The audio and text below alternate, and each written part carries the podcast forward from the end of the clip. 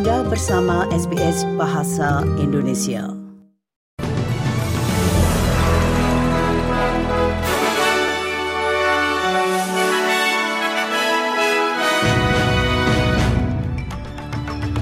Berita terkini untuk SBS Audio program Bahasa Indonesia untuk Senin 30 Oktober 2023.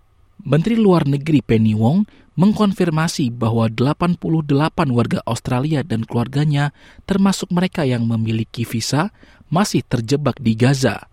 Menurut Wong, pemerintah tidak bisa mengeluarkan mereka karena perbatasan Rafah ke Mesir masih ditutup.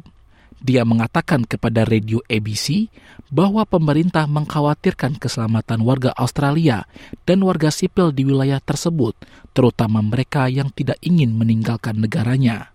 Our concern is that if armed conflict increases, it could affect wider areas of Lebanon. It could close Beirut airport. So the government's advice is that Australians in Lebanon should leave now while commercial flights remain available. The reality is, if we see a deterioration in the security situation, uh, if there is armed conflict, obviously government will always do its best, uh, but the government may not be able to, to assist everyone who wishes to leave to leave. Menteri Pertanian Murray Watt mengatakan bahwa Uni Eropa belum mengambil langkah yang signifikan dalam negosiasinya dengan Australia untuk mencapai perjanjian perdagangan bebas. Hal ini terjadi setelah kegagalan dalam diskusi antara kedua pihak di Osaka selama KTT G7 sebelum memasuki tahap akhir. Menteri Watt mengatakan kepada ABC Radio Nasional bahwa Australia tidak akan tertarik untuk menandatangani kesepakatan dengan Uni Eropa dan menambahkan bahwa masih perlu waktu yang lama sebelum kesepakatan tercapai. EU has not budged uh, significantly from the offer it put on the table three months ago. You'll remember that about three months ago, uh, negotiations didn't proceed because the EU wasn't offering enough, particularly when it comes to agriculture. Uh, and they've come back now with essentially the same offer with a couple of tweaks there. Menteri Pelayanan Sosial Amanda Risworth mengatakan, meskipun pemerintah federal tidak takut untuk berbeda pendapat dengan Tiongkok dalam isu-isu penting tertentu, negara tersebut tetap menjadi mitra dagang Australia yang paling signifikan. Hal ini terjadi hanya beberapa hari sebelum perjalanan Perdana Menteri Anthony Albanese ke Beijing, di mana ia akan bertemu dengan Presiden Tiongkok Xi Jinping. Menteri Risworth mengatakan kepada Channel 7 bahwa kunjungan Perdana Menteri penting untuk membantu menstabilkan hubungan antara kedua negara. Menteri Risworth mengatakan kepada Channel 7 bahwa kunjungan Perdana Menteri penting untuk membantu menstabilkan hubungan antara kedua negara. Um, as a country and, and as a government, we've been pretty clear uh, that when we disagree uh, with uh, things that China says or does, we will speak out against it. But we will also be very clear that where we can cooperate, we will. And I think that's really important for our national interest. Um, China is still our largest trading partner. Hampir setengah dari seluruh wira swasta Australia belum mengajukan pajak mereka seiring dengan semakin dekatnya batas waktu pengembalian pajak. Menurut 500 warga Australia yang disurvei oleh akuntan dan alat otomatis pajak Henry, 47 persen pedagang tunggal belum mengajukan permohonan dan 17 persen belum memulai persiapan warga Australia memiliki waktu hingga 31 Oktober untuk mengklaim pajak mereka atau beresiko terkena denda yang bisa mencapai lebih dari 1.500 dolar.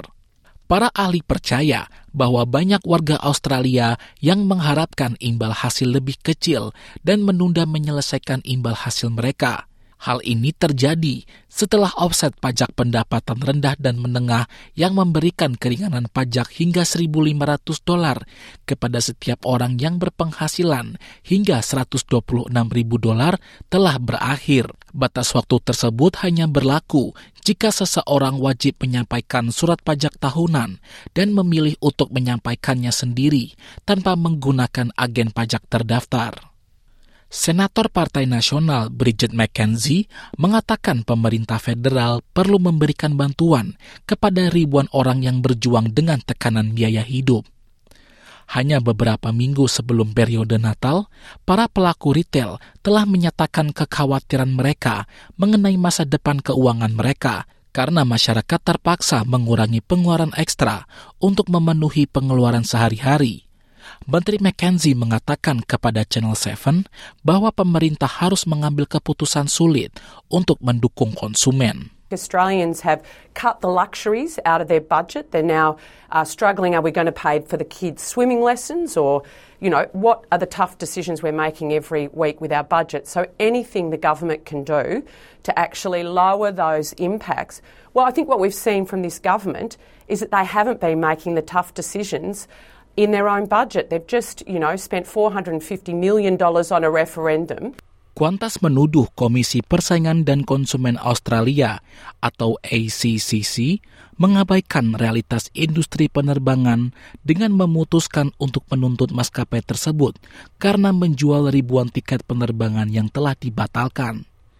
Hal ini terjadi setelah Ketua ACCC, Gina Cass Gottlieb, mengatakan bahwa ia ingin Qantas menghadapi denda setidaknya 250 juta dolar, dua kali lipat dari rekor denda saat ini.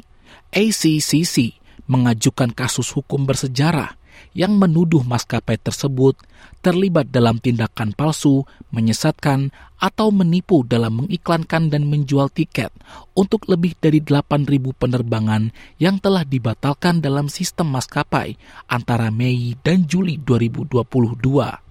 Namun pihak maskapai mengklaim kasus tersebut mengabaikan realitas dasar dan kondisi kritis yang berlaku ketika maskapai menjual tiket dikatakan bahwa meskipun semua maskapai penerbangan berusaha untuk mengoperasikan penerbangan tepat waktu, tidak ada maskapai penerbangan yang dapat menjamin hal ini.